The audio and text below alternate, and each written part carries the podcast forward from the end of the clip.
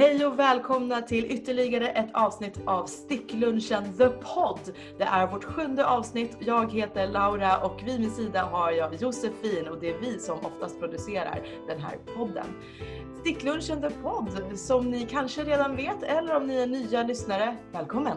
Så är Sticklunchen helt enkelt en stor grupp av människor som brukar samlas regelbundet på vår arbetsplats på lunchen när vi träffas för att sticka eller handarbeta på annat sätt. Oftast är det garn inblandat på något sätt.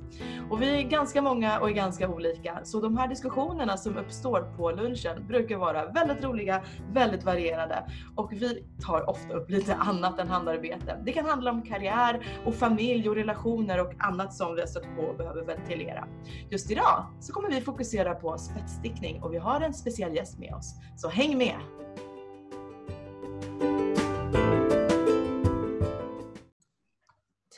Ja, här är Josefin och eh, jag vill gärna presentera Sofia som är med oss idag. Så du får gärna berätta lite, kommer du ihåg hur du kom med i sticklunchen från början? Ja. Eller nej? jag kommer faktiskt inte ihåg exakt hur jag kom med i sticklunchen, vi pratade om det här. Men jag minns att det var via Josefin. Jag fick min tjänst som är på ungefär samma avdelning som hon jobbade på då. Och då eh, så presenterade hon mig för sticklunchen och sedan dess eh, har jag varit med sporadiskt. Lite mer i början, lite mindre i slutet eftersom jag jobbat deltid på grund av barn och lång pendlingstid. Jag kommer ihåg att jag såg dig i kafeterian, jag tror det var medan du exjobbade, att du satt där med en fin stickad sjal över axlarna. Så då, jag kommer faktiskt inte heller ihåg hur det kom sig att jag bjöd in dig, men jag vet att jag spanade in dig då.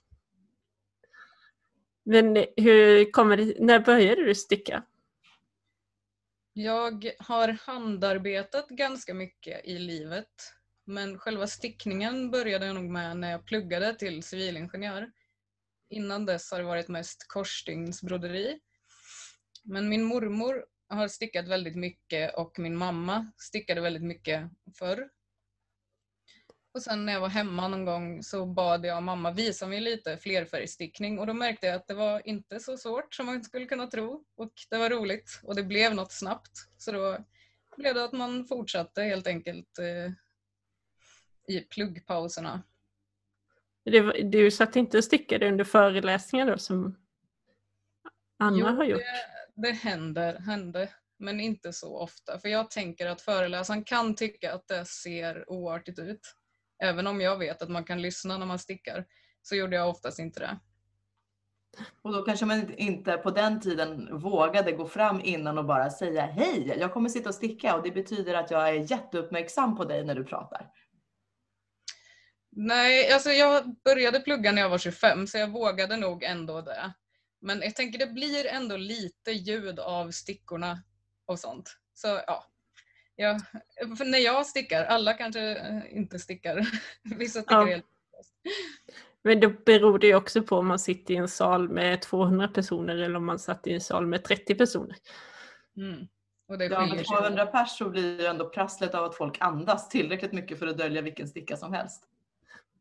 Det är sant. Om jag fick leva om mitt liv så hade jag nog stickat mer på föreläsningarna.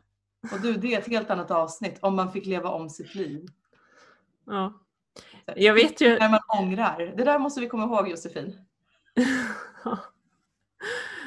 Jag kommer ihåg det också. Eller du hade med dig ett jättefint korsstygnsbroderi också. Var det en tiger? Ja, en varg. En varg var det. Just det, då önskade jag mig i julklapp ett korsstygnsbroderi som jag hade sett ut. Jag insåg ju när man googlade på korsstygnsbroderi att det fanns ju även sånt som inte var en charmig tomte för lite tantigt sådär utan det finns ju coola saker också. Men den vargen tog nog typ, eh, ja, om det är tio år att göra klart. Men den är klar, den hänger hemma hos mamma nu. Har du gett bort den? Jag ger ofta bort det jag gör. Jag tycker om att uh, själva stickandet och jobbet men sen när jag är klar med det har jag inget problem med att ge bort det. Process hellre än produkt. Det har vi också som tema till något, någon annan gång tror jag. Mm. Ja. ja. Men vad är det du tycker är roligast att sticka på? Flerfärgstickning tycker jag är roligast just nu för det växer fram någonting fint ganska snabbt. Men det är lite som med spets också, att man stickar några varv och sen kan man kolla på det man har gjort och så tänk wow vad det kan bli. På bara när man sitter med en tråd och två stickor. Ja, men jag vet också, vi var ju ett par stycken i sticklunchen som köpte varsitt kit till bohuströja ungefär samtidigt. Mm. Men jag tror att du var den som blev klar snabbast. Ja, först så testade jag eh, Eh, det gotiska fönstret rosa som jag köpte ett eh, tröjkit och ett mösskit. Så jag provade först mössan och sen stickade jag koftan och då tog det tre månader. Jag stickade ganska intensivt på den. Och jag nämnde ju att jag hade lång pendlingstid till jobbet. Så det var rätt många sådana tågresor. Men eh, den blev klar. Och den är jag väldigt stolt över idag. Ja, den är superfin. Men där har du ju först, jag antar att det var oket först, så man får göra all den roliga flerfärgstickningen och sen bara jättemycket slätstickning på typ två och en halv. Ja, och dessutom så valde jag att göra en kofta och enligt beskrivningen, vilket är att koftan stickar man då fram och tillbaka även i flerfärgstickningen. Och sen stickar man inte ärmarna och kroppen runt utan man stickar dem platt fram och tillbaka och sen syr man. Men jag tycker att eh, när man syr ihop plagg efteråt då blir sömmarna väldigt stadiga och bra och man slipper de här eh, ränderna som kan bli mellan stickor eller när man byter på små ärmar och så. Så jag är nöjd med att jag gjorde det, men det var ju ganska pilligt. Och alla dessa aviga maskor som du så lätt hade kunnat undvika. Ja. Men du, har du, för det är ett problem för mig ibland att det blir ojämnt när jag stickar fram och tillbaka i slätstickning. Jag, eh, det, blir, det blir ojämnt för mig också. Men eh, det blir som sagt, antingen får man välja lite ojämnt, aviga varv, kanske lite lösa, eller så får man välja att det kan bli en rand där man byter eh, strumpsticka eller så när man stickar runt. Så jag, jag, tycker att man får välja mellan två ting där och nu valde jag platt. Men ojämnt hur då? När man stickar typ strumpstickor eller magic loop eller jag brukar använda två eh, rundstickor. Då, mm. Någonstans när man stickar små runda saker måste man ju byta sticka och där tycker jag antingen drar man åt för hårt så att det syns eller också drar man åt så det blir rakt. Så det blir liksom en rand. Ja. Om man inte har sådana typ 20 eller 30 centimeter stickor. Rundsticka. Jag, jag, får ont av sånt eh, pill. Bara jag ja, tänker men, på det. Men ojämnt när du stickar aviga varvet då Josefin? Nej men det är att eh, mina aviga maskor blir lätt lösare än mina eh, räta maskor. Ja, det kan man ju antingen använda sig av olika eh, storlek om man har eh, sådana typ eh, stickor, eh, vad heter det, när man sätter ihop stickorna. Kombinera ihop dem som man vill, så då kan man ju ha en tre och en halva på ena sidan och fyra på andra så att man har en mindre sticka när man stickar avigt. Eller som jag har gjort så har jag lärt mig lite en annan stickteknik där man som kan kallas combined knitting, att jag när jag sticker dem aviga så blir de vridna. Eh, så då får jag sticka dem i andra maskbågen eh, på det räta varvet. Det, det, testade jag på det senaste jag stickade men eftersom det var ett bomullsgarn som har jättemånga små fiber var det jobbigt att sticka dem vridna så jag gav upp det då också. Ja. Men vad blir effekten av att du stickar olika hårt på aviga varvet? Blir, liksom, blir den randig på, på, på, på vågräta ledden? Japp, men det syns ju mest på avigsidan. Och sen, jag menar sticker två och en halv så skulle det väl vara svårt att se på framsidan överhuvudtaget. På, men på avsidan så syns det ganska tydliga ränder, liksom två varv, två varv, två varv. Um. Men, ja, okej. Okay. Då sticker jag också ojämnt, för jag tycker också att mina, mina avsidor blir, men de är ju ändå jämna på det sättet. Det är, det är ju konsekvent, det är inte olika bredd eller någonting. Och, och, jag trodde det hängde ihop med hur maskorna hänger ihop med varandra, att de kommer ju närmare varandra. Bum. Bum, bum, bum, För du får ju inte, sticker du runt runt så blir det ju inte på det sättet. På insidan. Nej, men jag menar man stickar av ett rätt, av ett rätt. Ja, men det är för att du, då gör du dina aviga större. Ja, jag måste kolla på det. Ja. Vi gör ju också handstickade saker, vi är ju inga maskiner. Prata för dig själv. Jag är en syborg från framtiden. Okej. Det- Det var en väldigt märklig segway in i nästa avsnitt tror jag.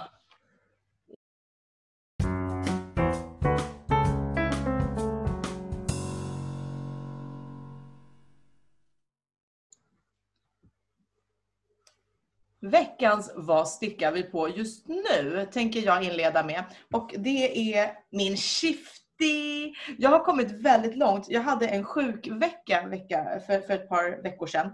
Och jäklar i min lilla låda vad det blev resultat av att vara hemma sjuk. Eh, till skillnad från att vara hemma och jobba. Eh, och jag är jättenöjd eh, med, med min progress. Jag är jättenöjd med hur den blir. Eh, så jag har stickat armar på min shifty och jag har stickat kroppen, bålen. Sen så tog jag en paus. Och varje gång jag tar en paus för att tänka efter och planera framåt, då blir det flera veckors uppehåll känns det som. Och så pratar jag igenom med min mamma, hur ska jag göra nu? För det här var utmaningen. Själva Shifty originalmönster, den är ganska kort och boxig, liksom bred. Um, och, och den är jättesnygg. Och det är inte riktigt den modellen som min kropp eh, ser bäst ut av. Fördelen med egen tillverkat är ju då att man anpassar och moddar för sin egen kroppsfigur. Så jag ville då fortfarande ha den så att den satt åt lite och smet åt kring överkroppen och visade på kurvor där. Och sen går den in i midja, för jag har ju turen att ha midja. Sen har jag oturen att ha mer rumpa än vad jag egentligen borde ha. Hej corona! Ehm, så, så nu har jag då räknat ut hur många masker som man behöver ta ut från midjan, där den fortfarande sitter bra, för att den inte ska sitta ut som korvskinn, sitta åt som korvskinn runt rumpa och mage. Utan där ska det liksom bara snyggt flärda ut. Jag viftar jättemycket med händerna till allas eh, stora underhållning här som ser mig på en Zoom-inspelning. Men ni förstår ni som lyssnar att men nu viftar jag med händerna utåt i ett litet som upp och nervänt V. Det är klart att man vill att den ska följa kurvan. Jag räknade ut hur många maskor man skulle öka med. Jag kände mig supersmart. Jag tog till och med hänsyn till att jag stickar runt, runt. Så att ja, jag måste öka på två ställen och vart och hur. Jag var så smart. Jag var så himla smart. Och sen satte jag igång och stickade. Och det var ungefär då som jag blev sjuk. Så jag fick verkligen fart på stickningen. Oj, oj, oj vad bra det blev. Och sen så när jag då har kommit halvvägs igenom den biten där ökningarna skulle ske. Så lägger jag ut den, jag tittar på den, det ser bra ut. Men på något sätt så har mitten, som mitt fram, fram och mitt bak, skiftats lite grann. Och det är då jag inser att men när jag ökade maskorna så gjorde jag det inte symmetriskt på bägge sidor om, om sidlinjerna under, som, eh, under armarna. Alltså, ja. Utan jag har bara ökat med en på vardera sida. Så jag har liksom gjort en liten snygg spiral i min ökning. Och så tänkte jag lite snabbt, det här kommer jag inte repa upp. Det finns inte en snöbollschans i helvetet att jag repar upp det här som jag var så stolt över. Så jag bestämde mig för att spiralera tillbaka. Så nu så, så det ser lite intressant ut om man börjar skärskåda exakta ökningarna, åt vilket håll och hur de går. Och dessutom varierar det lite grann, lite grann åt vilket håll som lutningen på ökningsmaskerna går åt. Så det, ja.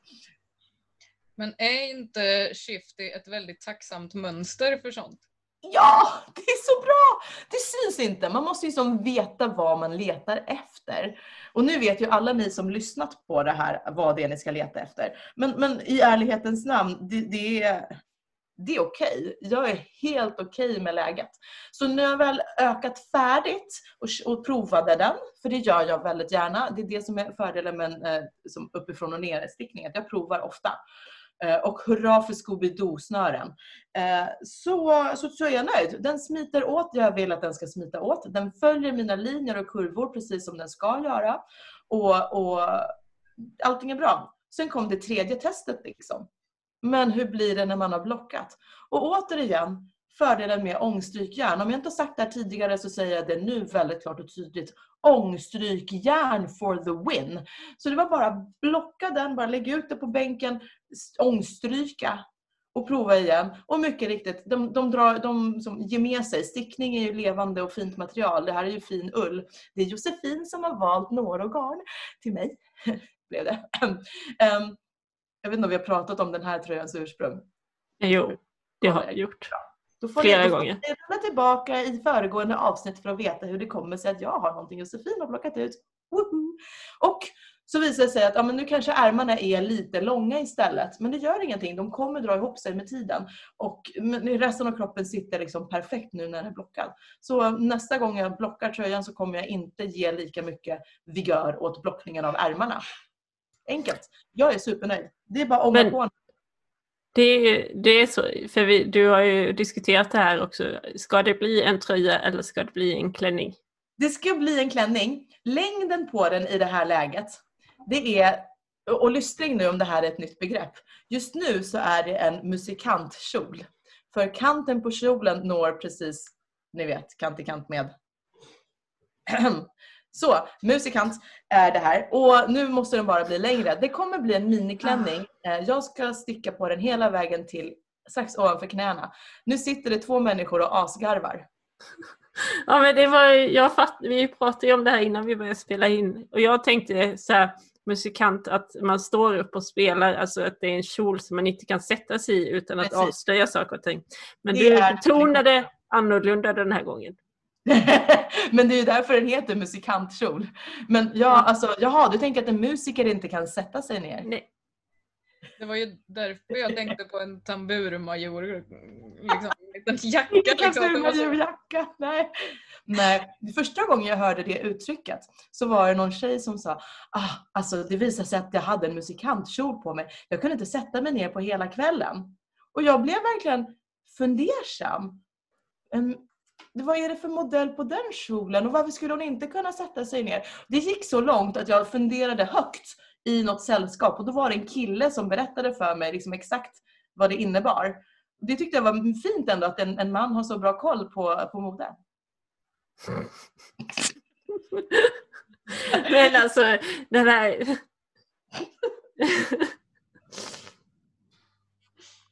ja. Annars så kan man säga är liksom skinkorna fortfarande Liksom, vart är skinkorna i förhållande till Jag skulle hävda, nu ställer jag mig upp och visar att ja, men jag tror det är lite det beror på ålder. För med ålder så kan ju skinkans som höjd över havet kanske förändras och komma närmare havslinjen. Um, men, men i en ganska ung individ så skulle jag väl hävda att äh, linjen i fråga där kanten på skinkorna går och kanten på allt annat går, de är nog ganska mycket en rak liksom, rak cirkel. Men med åldern så kommer cirkeln att luta lite där bak. Ja. Eh, så täcker den nederdelen av skinkan så är det ju fortfarande ännu mera sedesam fram. Vid det här laget har du nog en färdig skiftig klänning. Nej. Nej, nej, nej, nej. Jag, jag, jag lovar. Alltså, den, den täcker eh, knappt nedre skinkkanten på mig. Så att det, det är ju inte fråga om att ens luta sig en millimeter framåt för då ser man ju mera. Nu, ja, jag gissar att du kommer sticka vidare på den så att du snart har den klar. Ja, det är sant. Jag, jag maratonstickar med, med, med Netflix och mål, målbilden är att den ska bli så lång som eh, till strax ovanför knäna. Och jag kommer såklart ha på mig den med tights eh, eller tjocka strumpbyxor. Och frågan är, att, är bara om jag kommer att få slut på garn innan jag når knäna. Ja. Vad bra. Vad stickar du på Sofia? Jag har några olika projekt på G, vilket är jätteroligt för jag har haft ett långt eh, stickuppehåll. Jag har två barn och under båda graviditeterna har jag haft stickuppehåll. Eh, bara tappar suget helt enkelt och dessutom så ändrar man ju form en del så det är inte så kul att sticka eh, koftor och tröjor till sig själv heller i slutet av eh, den senaste graviditeten fick jag också ganska ont i skuldran. Hela bröstkorgen och bäckenet eh, liksom ändrar ju form och man sitter och jobbar vid datorn och sånt gjorde ont. Men nu har jag faktiskt rört på mig mycket under mammaledigheten och eh, fått upp rörligheten lite här och där och nu känns det bättre igen. Och när hösten kommer då vill man ha stickade saker på sig och ta upp stickningen igen. Så här års så brukar jag alltid göra julkulor och lite sånt håller jag på med i år också. Jag ska göra en, till, en var till barnen med deras namn på. De kanske inte kommer eh, sitta så mycket just i julgranen om vi ens ska ha någon med en ettåring hemma. Huvudsak... Men har du ett mönster du följer då eller, eller frilirar du? Mm, precis, det är Arne och Carlos har en hel bok om julkulor. Så deras grundmönster är väldigt bra. Och sen så är det bara att sätta eh, vad man vill på det grundmönstret. Det är väldigt enkelt. Ökningar och sen en bit rakt och sen minskningar. Då blir det liksom en boll om man stickar runt. Ehm, ett annat projekt är en lyxig tröja. Den heter, mönstret heter Lotta av eh, Regina Mössmer. Den ska jag sticka i tjock silk. Där lyckades jag komma över via tant Koftas tisdagskoftan som hon hade på Instagram. Jag vet inte om hon fortfarande har det, men hon letade upp garn i sina gömmor och så la hon ut det på tisdagar och så om man var snabb nog så kunde man få köpa. Så när det kom blå eh, tjock silk så köpte jag det. Jag har repat upp det jag stickade i april för jag var inte nöjd med storleken och nu har jag gjort en ny provlapp och tyvärr den här gången så är stickfastheten precis på pricken. För ibland kan man ändra, komma mellan storlekar när man inte har riktigt rätt stickfasthet. Men nu är jag inte nöjd med några av storlekarna som jag står emellan så jag vet inte riktigt hur jag ska välja. Men kan du inte räkna om då? Ja, men jag vet inte om jag orkar och vill. Jag vill liksom bara följa ett mönster den här gången. Mm -hmm. Hur mycket mm. för stort är den som är större? Alltså, Bystmåttet, säg att det är eh, nästan en decimeter skillnad mellan de här storlekarna. Och jag ligger precis närmare den undre gränsen och jag har ingen aning om hur tjock silk beter sig när man har stickat klart och blockar. Och ibland när man är i gasen så stickar man ju ännu lite hårdare kanske när man stickar runt och det är slätstickning. Ja, så jag får fundera Men, på den. Och bystmåttet, ammar du fortfarande? Ja, men jag har mätt lite. Man ska väl mäta ovanför brösten egentligen, precis vid armhålorna. Ja. Ja, så där är det... ju inte förändras. Nej. Är det, är det liksom V-ringad kofta eller? Nej, den är lite högre i halsen och på modellen så ser det ut som att när hon står rakt upp så är den inte så mycket oversized där och på henne tycker jag att den är snygg. Och då vill man ju inte öka på en decimeter kanske. Nej, då låter det som att du ska ta den mindre storleken. Ja, men den är kanske någon centimeter för lite och då man stickar nästan ännu mindre och det inte plockar ut sig så mycket. Ja, nej, jag måste fundera på det här. Ja.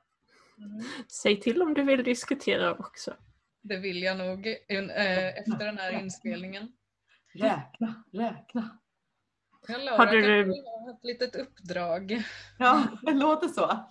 Det är ganska många olika mönster. Först så är det lite förkortade varv och sen så kommer det lite randigt och sen kommer ett mönster som är lite fjärilsaktigt och sen kommer ett annat mönster. Så det är inte bara, det är inte riktigt mm. bara att räkna om sådär. Det är därför jag drar mig lite för det. Ja. Men det är, så... är det spetsstickning sa du? Nej, utan det är liksom lite mer struktur. Eh, det är inga omslag och hål. Mm. Nej. Ja. Men ni får gärna gå in via mina projekt och kolla för det är en väldigt fin tröja. Ja, det ja. är bra tips. ska vi se till att länka till. Ja. Och eh, sen så har jag ett annat långsiktigt eh, projekt. Tin Can Knits har släppt ett mönster till filten Vivid och den ska jag göra i fåriga grå garner. Men då vill jag använda restgarner och eh, det kommer ta lite tid att samla ihop eh, så mycket restgarner till en stor filt. Så det, det är något mer långsiktigt projekt. Men det, det är de sakerna jag har på G. Jag tycker inte om att ha för många saker på en gång. Jag gillar att göra klart. Hur tjockt garn ska du ha? Jag kanske har lite gråa restgarn här. Ja, men tvåtrådig ull av olika slag. Det ska bara vara grått. Mm. Mm. Kanske det kommer ett paket på posten. Det låter bra. Jag har hört att eh, du har nämnt, eh, vi har gjort andra garnbyten så jag är öppen för nya förslag. Yarn swap. Yes. Mm. Och jag fortsätter vidare med min slipstravaganza eh, M-kall. Men nu är det ju inte något mysterium längre utan nu har man ju fått se hur den ser ut och det har ju visat upp sådana fina exemplar i grönt och djungeltema och jag blir alldeles eh, grön av avundsjuka. Den är har... superhäftig. Ja, och min är ju bara en sån där typisk eh, skrynklig hög av eh, ofärdig sjal som bara väntar på blockning. Men eh, Det är en bit kvar. För jag gjorde den här traditionella Excel-arket för att räkna ut hur mycket det var insåg att sista ledtråden är alltså 44 procent av sjalen. Den sista i-koden är 2,6 procent av sjalen. Det är så himla mycket maskor. 900 maskor, lite drygt på ett varv. Ah. Alltså jag älskar din, din mattehjärna, din ingenjörsmässigheten i att sätta siffror på det här och räkna ut statistik. Jag tycker det är underbart.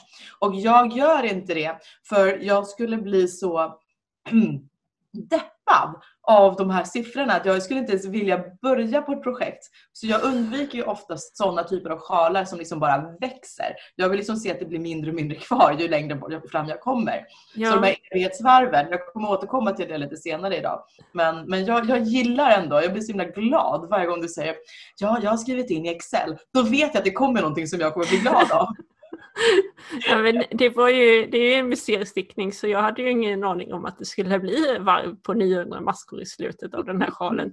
Och han började ju så fint med att man första varvet var ju 150 masker och sen minskade man ju ner i en triangel på första ledtråden. Det var ju väldigt pedagogiskt riktigt bra start. Men nu Men alltså, du vet att Steven West är en lurig jäkel.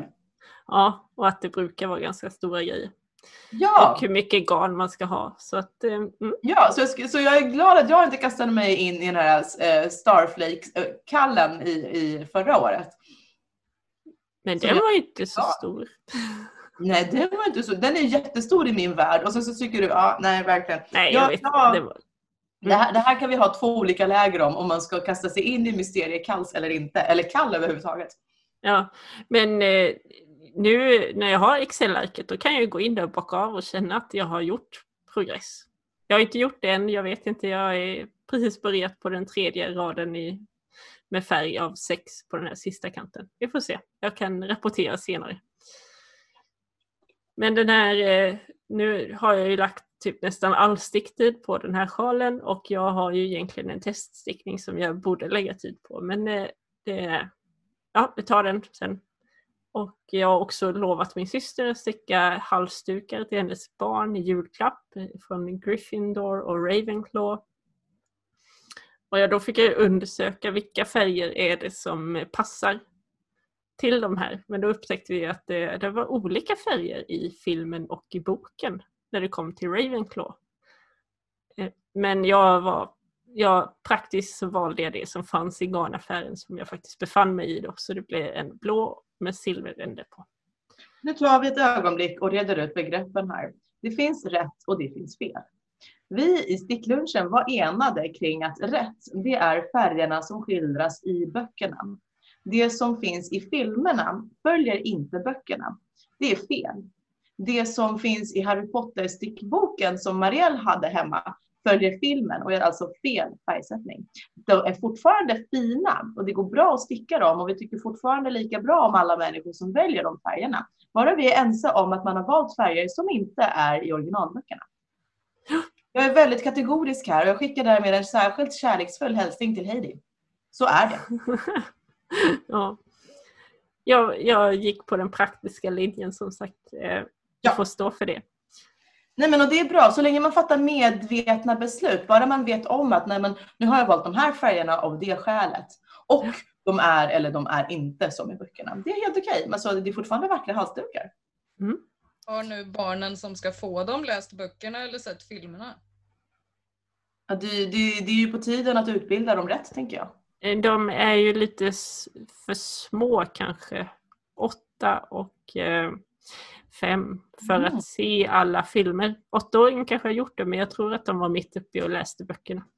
Men det var ju också en diskussion vi hade hur pass noga man läser saker för jag visste ju faktiskt bara Gryffindors färger. Jag hade ingen aning om.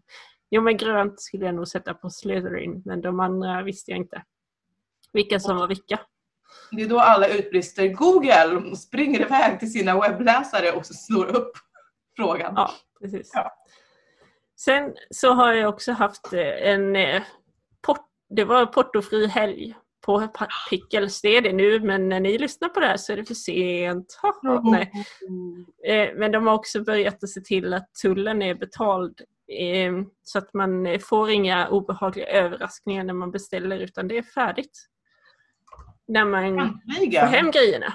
Då vet man vad det kostar och då känns det lättare att beställa. Så plus, det plus att jag hade 20 rabatt efter att ha kommenterat på ett av deras Instagram-inlägg gjorde att jag beställt två stycken tröjpaket.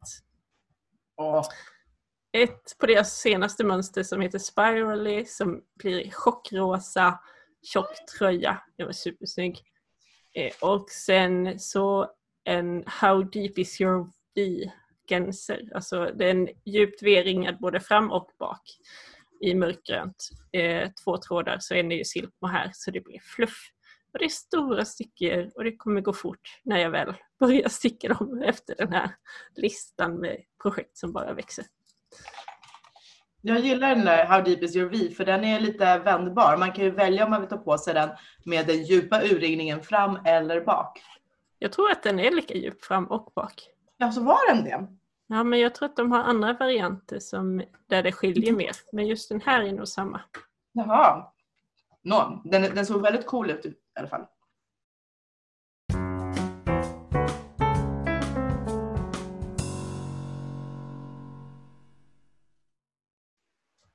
Då var det ju så att när, eh, när jag såg dig där i kaféet på jobbet så hade du ju en sjal på dig. Men du har ju lite mer att berätta för du verkar ha haft den sjalen på dig på din eh, anställningsintervju också.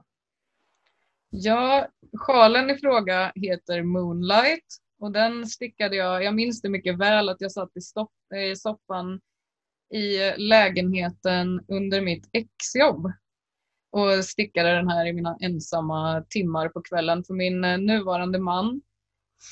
Eh, han eh, gjorde exjobb i en annan stad så då bodde vi inte ihop och då passade det bra att eh, sitta och spetssticka och den är eh, vit och sen har den pärlor på sig. Och den hade jag alltså på mig, klädde upp mig lite till den här jobbintervjun. Och så svarar man ju på diverse frågor. Och till slut kommer frågan, skulle du säga att du är snabb eller noggrann? Och då tänkte jag efter och så tog jag spetssjalen och sa, ja, den här har jag stickat ganska snabbt och eh, man måste vara rätt noggrann för att den eh, ska bli bra. Så ja, bestäm själv. jag fick eh, jobbet så uppenbarligen så var det ett okej okay svar. Han, du fick inga kommentarer just på intervjun om det?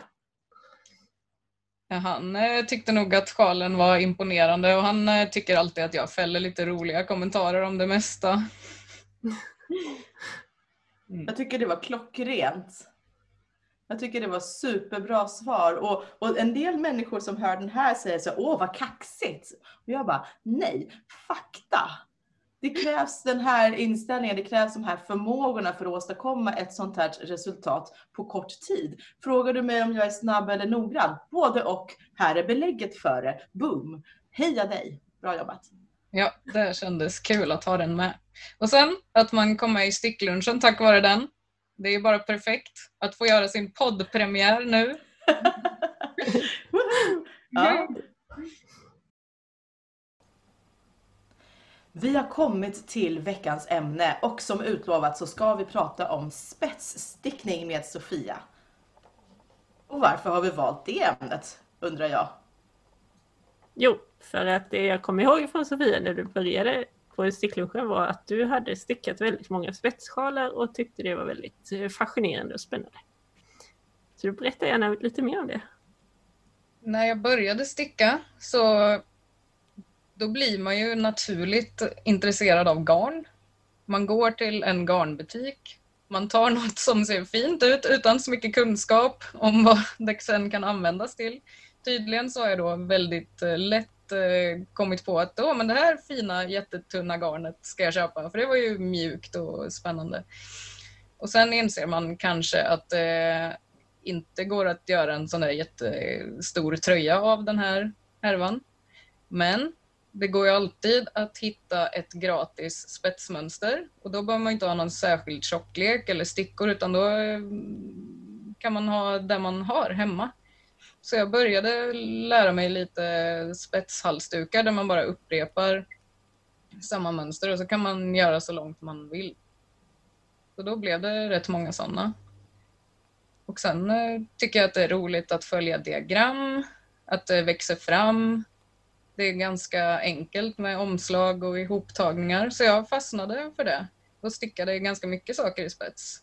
Sen på senare tid har jag inte gjort lika mycket för jag är tyvärr inte lika förtjust i att bära spetssjalar. Och till en viss gräns kan man göra saker man inte använder men sen tappar jag lite suget. Nu skulle jag vilja hitta den perfekta spetskoftan men jag har inte riktigt hittat det mönstret än. Så jag ser spets i min framtid. Åh, oh, vilken härlig liten så projektion. När man ser, sitter där framför sin spåtant och bara det, det, är inte snack om att jag vill träffa den perfekta mannen utan jag vill hitta det perfekta spetsmönster för en kofta. Det är som jättebra. Man, som man kanske heller inte måste göra någon stor provlapp. Jag tycker inte om att göra provlappar i spets. Den här spetsprovlappen ska vara si och så. Jag vet inte varför. Det är bara, jag är inte sugen. Jag, jag är principiellt för provlappar. Jag, jag är som den i sticklunchen som st slår störst slag för provlappar och alla andra liksom tittar på mig och bara nej man stickar bara. Oket är min provlapp. Men samtidigt så förstår jag ju det här med att ja men det är så det låter. Ja, jag vet att det är så jag säger. Men jag kan också berätta för folk att de verkligen borde göra en provlapp. Men jag följer inte efter det själv. Precis. Jag, jag har kommit dit här i min stickning att jag verkligen, jag ser verkligen vitsen att göra provlappar. Så man har kommit dit att att man är där i livet att man kanske skulle prova en ny kräm på ett litet ställe på insidan av armen innan man smetar den på något större eller fläckborttagning. Ett litet område som inte syns. Jag är fortfarande långt ifrån det. det som bär mig personligen emot att göra en provlapp i spetsstickning är lite grann det att jag är så rädd att jag ska få slut på garn. Så det är det jag känner ibland, att jag inte vill göra en provlapp för jag vill inte slösa bort garnmetrar på det. Eller så borde jag ju kanske vända på det och se det som att det här är min extra reserv. När garnet ohjälpligt är slut så kan jag alltid bara slita fram i triumf min provlapp och säga HA! Här har vi det. Jag, sistra, sista jag repar alltid upp mina provlappar direkt. Jaha. Jag har några ja. sparade, men jag har inte stickat så många. Däremot har jag repat upp några ok och ärmar som inte har blivit så stora som de skulle oh. bli. Nej, nej, nej. Men det här med att repa upp spetsmönster, alltså det är ju ändå en, en av de största nackdelarna med att sticka spets. I mohair i alla fall. Ja, oh. ja, gör inte din för... Eller okej, okay, jag gjorde min första spetsstickning i mohair så alla fel, det syns ju inga fel. Men å andra sidan syns det ju inte att det är spets heller. Så det är väl ett tips. Eh, antingen... Om man tränar på spets utan att kunna visa upp sitt alster och, bli, och imponera på folk så är det mohair som gäller. Ja, precis. Men om man vill se vad man har gjort och lä lära sig att läsa sin stickning så ta något annat än mohair. Ja, men det är också det som är lite grann fördelen med spetsstickning, tycker jag. För när man väl fattat grejen, då behöver man inte alltid eh, läsa diagrammet nödvändigtvis, utan man ser ju på mönstret vad det är det ska bli, eller?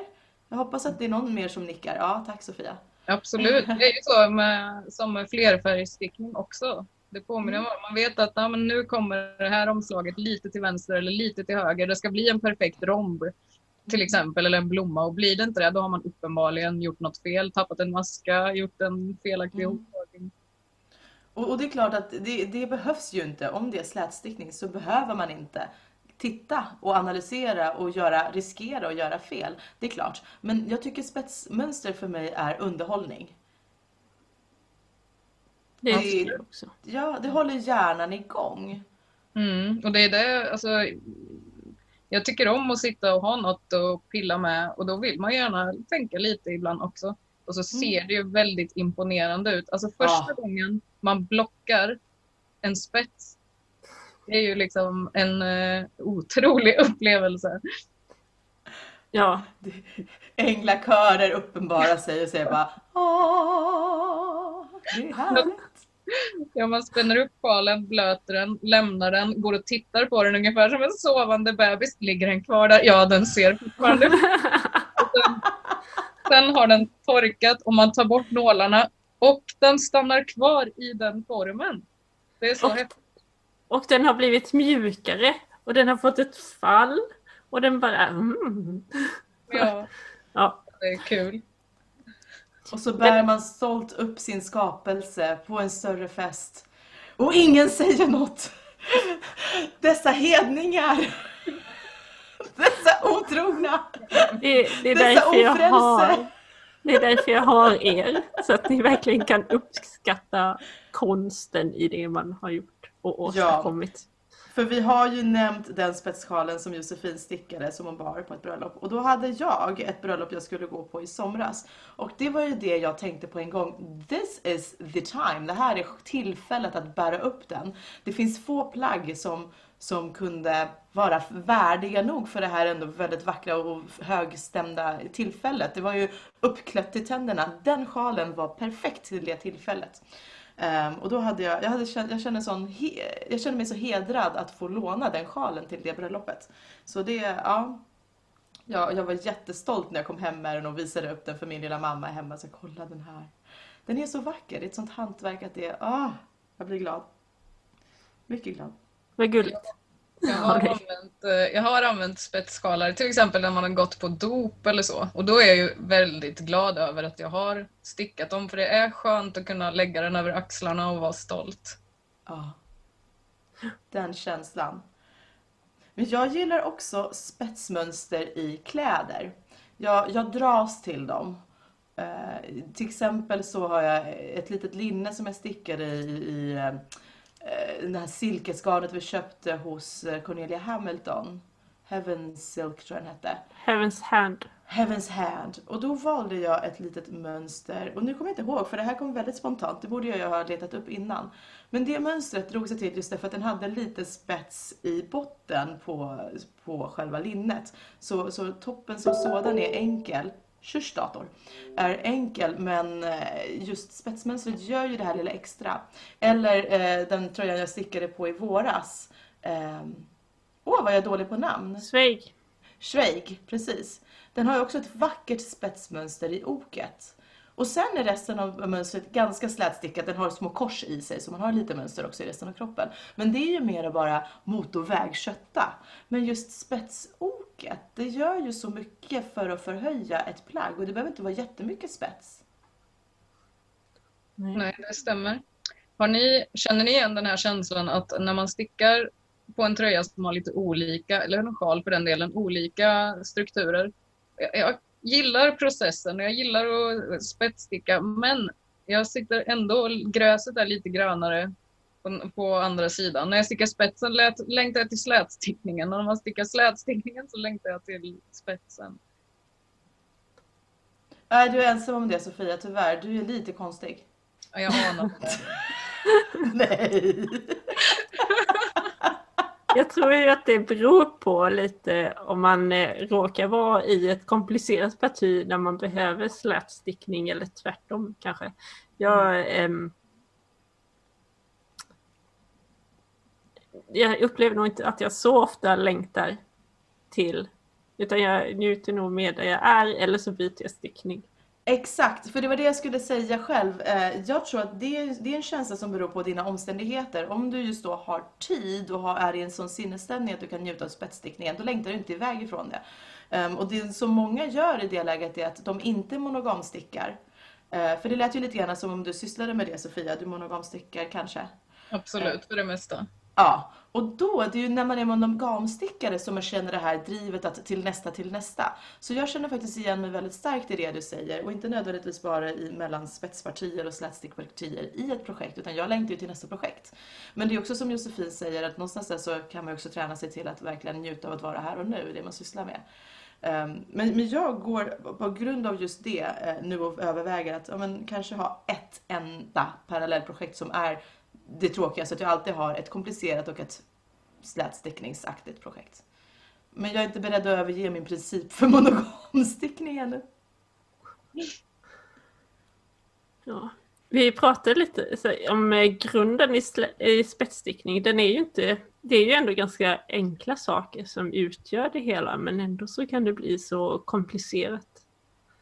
Med de eh, räta och aviga masker med omslag och hoptagningar. Det är ju det som får till ett spetsmönster. Ja, det är ju lätt att imponera på ofrälse, så är det.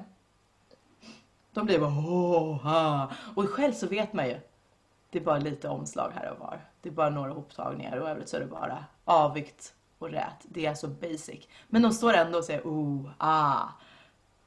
Och för det mesta så är det ju inte alls, alltså ibland så är det ju hoptagningar 7 till 1 och små nuppar, sådana här bollar. Men oftast är det ju bara omslag och ta ihop två som eh, Mm. eh, bildar eh, olika mönster i en diagonal. Alltså oftast är det ju faktiskt ganska enkelt att börja på sin första spetsstickning. Jag Det tror finns poängen ju här. Ja. är också massa olika sätt att starta en sån här spetsstickning på också. Jag vet inte vilka olika starter har ni varit med om? Vad tänker du på då? Alltså Ja, men- upplägg? Ja, precis. Aha. Jag har nog inte, jag har nog lagt upp eh, vanligt för det mesta. Men alltså sjalar kan ju starta på olika sätt. Ja, just det. Men alltså att det finns olika uppläggningar, det är ju en helt spännande del, en värld av stickningen som jag inte riktigt har nördat in mig på. Oftast blir det den här vanliga uppläggningen. Vad har du gjort Josefin? Det, det har ju varit, eh, jag tror att jag har gjort både så här provisoriska uppläggningar och sen att man har gjort antingen sån här gather, eller heter, rätstickad liten eh, ruta, kanske tre masker och sen har man plockat upp längs den för att eh, då har väl kanten i övrigt också varit rätstickad så att man liksom får samma kant över hela. Så börjar man utifrån den lilla rutan och stickar ner utifrån. Mm. Det. Det har ett särskilt namn som inte riktigt kommer till mig nu, men så har jag gjort några sjalar. Jag tycker det, det kan behövas några omstarter ibland för att få det bra. Ja. Ja, jag Sen tror det- det är nog min inställning också, för jag följer ju bara instruktionerna, så jag har inte liksom tänkt på vad jag sysslar med i det läget. Men nog fasiken så har jag många gånger fått starta om den, de först, det första biten på ett spets, spetsmönster, tills jag har fattat det. det. Kanske då jag borde ha gjort en provlapp. Ja. Men det, det är föredömligt när sjalar börjar med få maskor. Man vill ju inte lägga upp 350 maskor och sen så behöver man göra om eh, en bit av spetsen och vill börja om. Utan jag börjar gärna med så här, tre maskor. Det går ju så himla fort i början och så sitter man där med sin kant på 400 eller 900 masker när man ska maska av. Ja, då har man läst igenom, mönstret i förväg och be- begrundat det och kommit fram till att nej, jag tänker inte sitta där med 900 maskor. Men jag tror att Steven West, på tal om honom, han, det finns ju, finns ju några mönster där han liksom bara kör i block. Lite grann Ja. som Jenny Pennys ojämnt eh, av ett ojämnt, vad heter den? Nej. Men Ja. jag tyckte den också var lite... Ah, ja, men, Men han har ju sina jigsaw pass, eller jigsaw, eller jigsaw kanske den heter. Och eh, Vertices Unite som är liksom i block. Eh, men där tror jag fortfarande att han har en eh, i-cord-kant på. Alltså den killen är så himla taskig. Ja. Men det är inte så, han håller ju inte så mycket på med spetsstickning. Nej, det är det är färgerna han satsar sjalar. på. Ja. Men spets är ju oftast sjalar. Men, eh, nej, men den där koftan jag drömmer om i framtiden. Jag, alltså en anledning också till att jag inte har börjat på någon spetskofta det är att jag har de här enskilda härvorna som jag har förälskat mig i. Och jag har liksom försökt söka på spetsskalar med lite olika färg, färger men jag har inte hittat det som passar till just mitt garn. Och just nu har jag en stark önskan att göra av det jag redan har köpt. Mm. Jag, jag, jag hittar inte riktigt de rätta spetsprojekten just nu. Jag är förtjust i Andi Zetterlund. Jag tycker hon har lite 50-tals, eh, hon har typ 50-talsstuk på sina koftor. Väldigt mycket klänningskoftor. Jag tycker de är väldigt, de har mycket spetsinslag. Uh, antingen de helt i spets eller liksom tillräckligt mycket spets i oket eller i detaljerna. Så jag vill slå ett slag för henne. Men är det just i lace-tjocklek? För det är det jag tänker på nu när jag pratar att jag har såna härvor som är väldigt tunna. Eh, det får jag titta på medan ni pratar vidare. Mm. så har vi några tips och tricks eh, när det kommer till spetsstickning. Liksom vad, hur tar man sig igenom sin första spetssjal utan att eh, slita håret av huvudet i frustration när man har gjort fel? Jag, jag är ju ett fan av, jag är ett fan av du ångrar aldrig en upprepning och en omstart.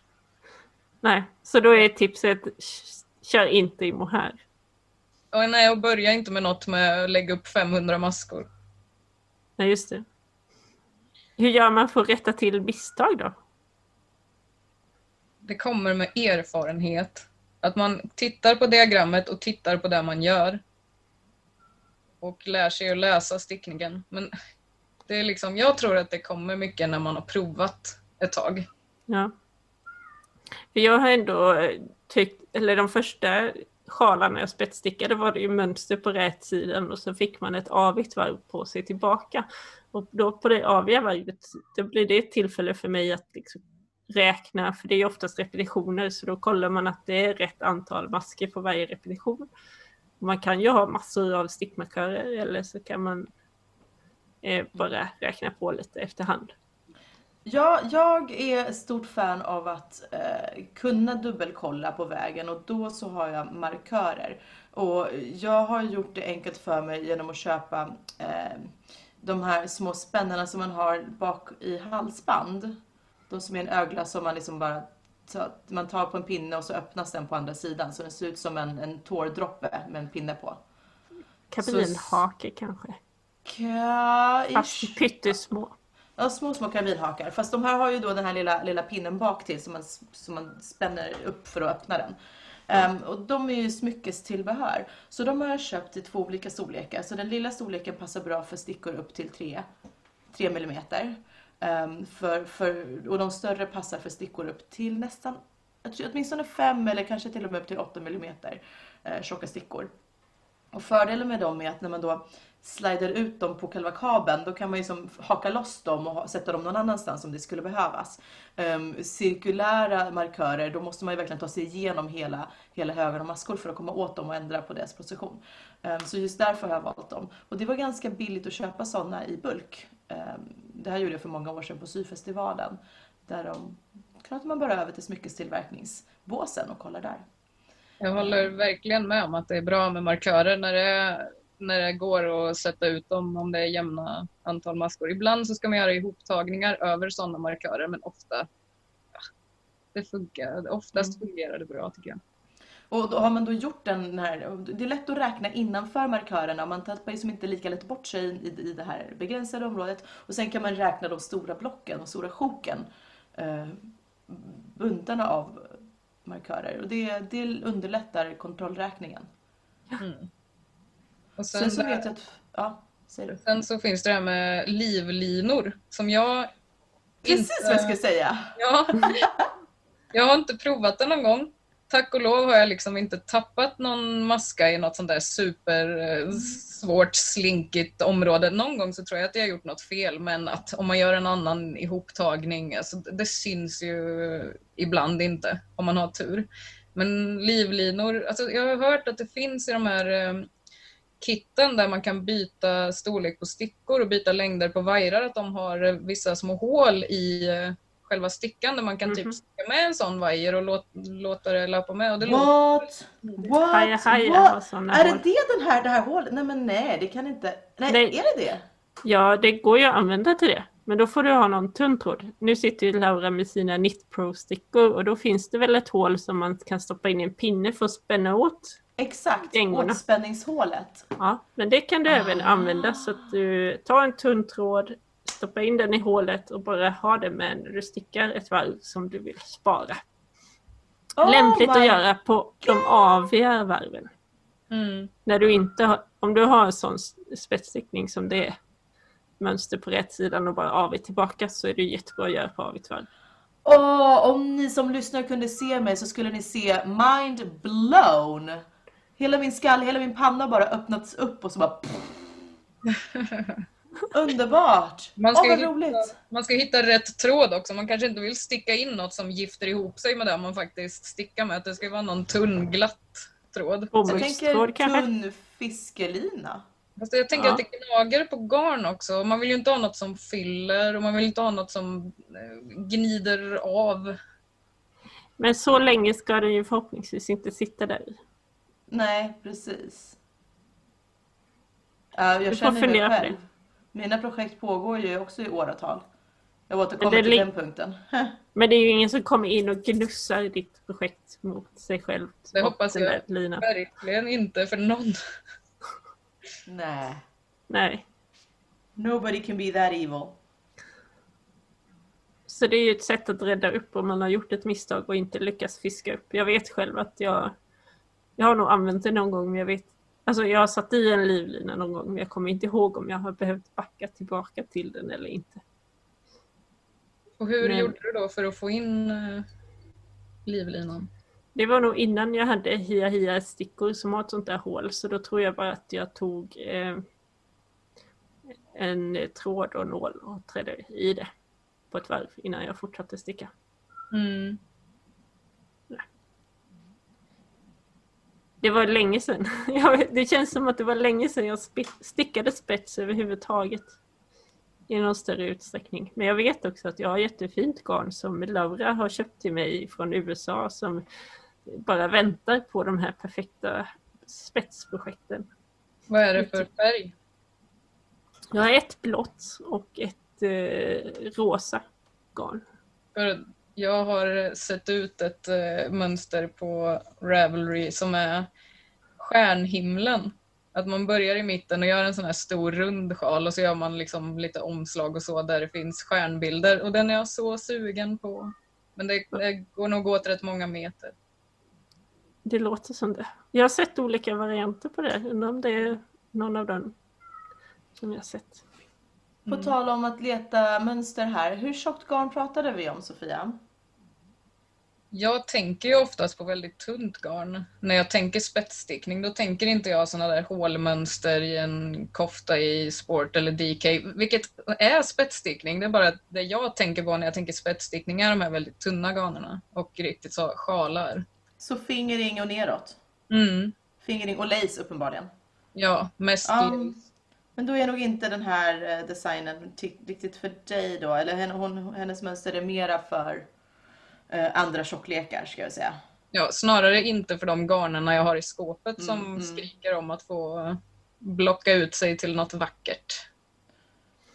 Det är inte så att du kan kombinera ihop dem och sticka två trådar tillsammans.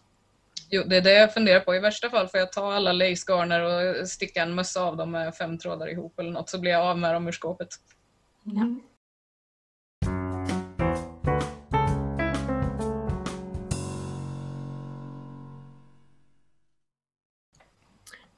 Då är det dags för veckans eh, topplista, eller avsnittets topplista kan vi säga. Och det är då våra mest eh, minnesvärda spetsstickningar och varför. Och min eh, topp, topplista nummer ett är min Even Star Shawl, alltså den här runda som är stor och det är massor med pärlor och den är stickade i Woolmeister Lace. Jag vet att jag pratade om den i avsnittet om sjalar så ni kan lyssna där om ni är intresserade av att veta mer. Sen har jag faktiskt en kofta eh, som är spetsstickad och det är Surrey Hills-koftan och den stickar jag i Rowan Creative Linen och det är en sån där perfekt eh, kort kofta till kjolar och klänningar. Och det kom ut som ett gratismönster av Maria Magnusson.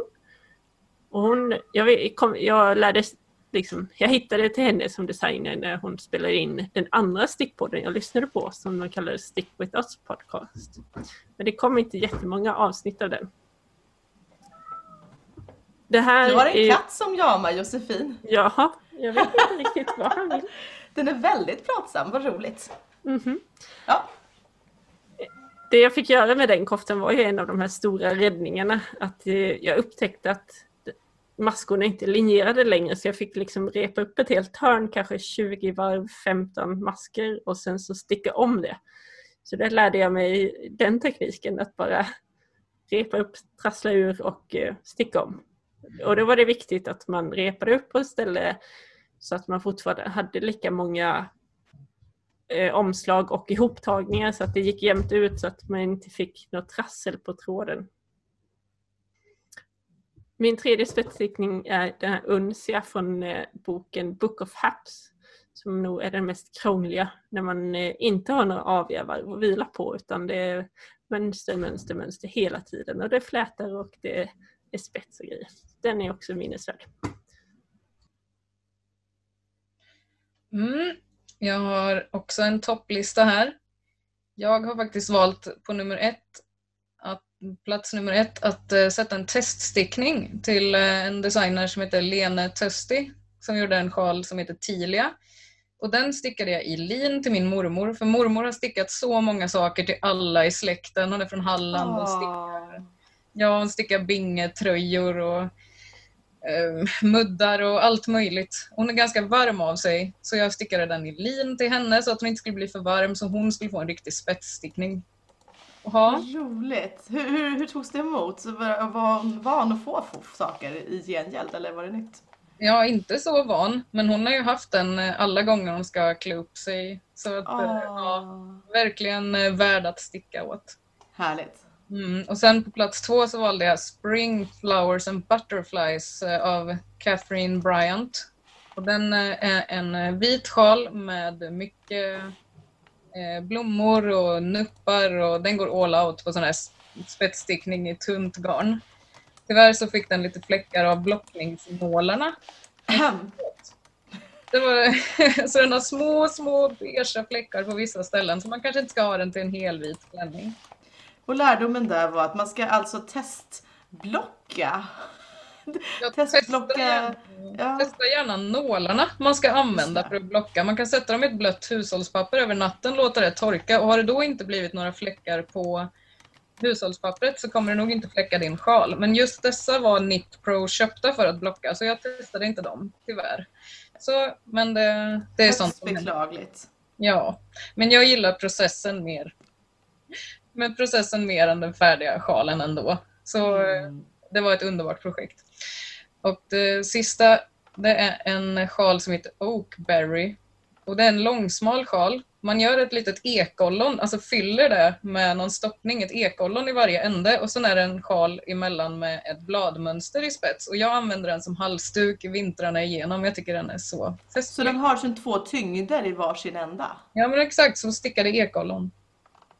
Awesome, det låter ju cool. Sånt gillar jag. Mm. Den nice. är superfin.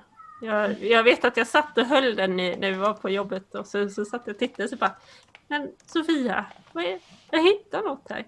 Du ja. hittade en maska som du hade tappat fast den hade liksom bara stannat kvar där. Just det, det var usch, usch. Det känns inte kul att tänka på nu i efterhand men jag lyckades rädda upp den där och sy fast den. Åh vilken ja. mardröm! Mm.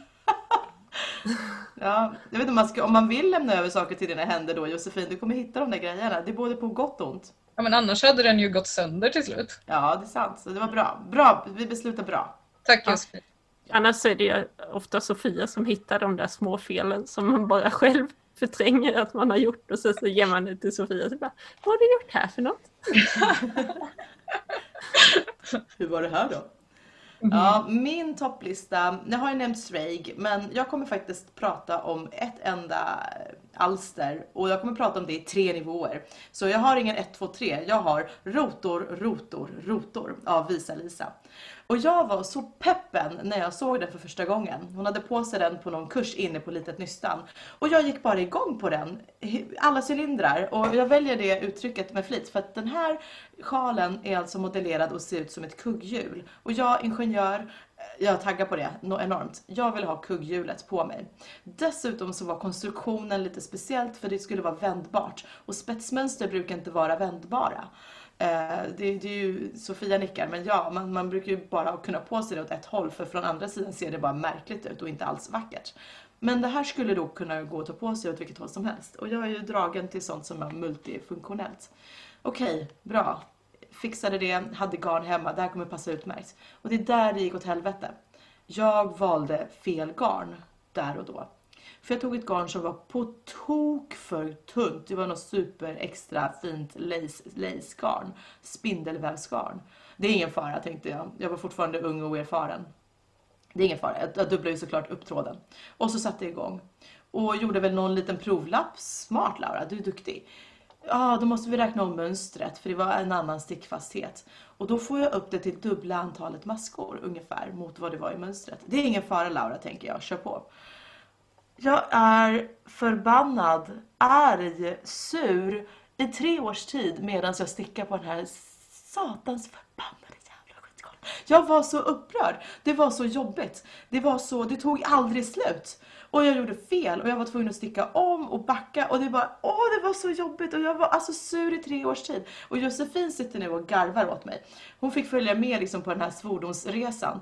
Men jag, Anledningen är att jag kommer att tänka på ditt andra surprojekt som du gnällde på i perioder. Ja, och den har jag inte gjort klart. Den ligger undanpackad i en silverfärgad necessär. Jag vet exakt vart den finns och var den ligger. Den tar vi någon annan gång, för, för nu Ja. blir jag bara arg om jag pratar om den. Men rotor, alltså jag var ju konstant sur på den. Eh, men inte lika sur som på det andra projektet som inte ska nämnas vid namn. Och till slut så blev ju då rotor kvar. Men då kom nästa lilla problem upp. Den är för stor. Den är för stor för att blockas. Jag har som ingen ledig yta någonstans där jag kan spänna upp hela schabraket. Så jag bara mojar ner den och bara skrynklar ihop den och stoppar ner i en påse och lägger den i ett hörn i ytterligare, jag vet inte hur länge. Till slut så köper jag då den här ångstrykjärnet. Ångstrykjärn for the win. Och då, då blockar jag den. För då kan jag liksom göra det i sektioner och stå där vid strykbrädan och få till det. Nice, nice, super nice. Nu är äntligen rotor klar, klar, färdigstickad och så åker den in i ett hörn igen. För jag var less på den. I somras åkte den fram. Och det är den bästa, mest perfekta sjalen för alla årstider. För den är lätt och luftig tack vare garnvalet. Eh, så är den lätt och luftig så den är inte varm när man tar på sig den. Så man kan bara lägga den över axlarna och inte bli bränd när man är ute i solen. Och inte svettas ihjäl. Den är tunn så du kan ha den mellan lagren så du kan ha vanliga som kläder och sen den här emellan om du har ytterkläder på dig på vintern. Den är tunn så man kan bara vira den om halsen. Den är mjuk, den är skön, den är underbar. Så alla mina vänner där ute, ert garnval är viktigt. Mönstret, du kan bli hur kär som helst i mönstret och det håller för Visa-Lisa har gjort ett jättebra mönster som verkligen uppfyller allt den lovar och den ser så snygg ut som den var på henne. Men garnet bestämmer allt och det kan bli en förbannelse under resans gång men stå på dig för tror du på ditt garnval så är det rätt. Är det fint grundämne så, så lita på ditt, din instinkt och kör vidare. Och var inte rädd för svordomarna. Det är en del av Vilken, kryddan. vilken inlevelse vi har här. Vilken fin avslutning. Väl rutet. Ja!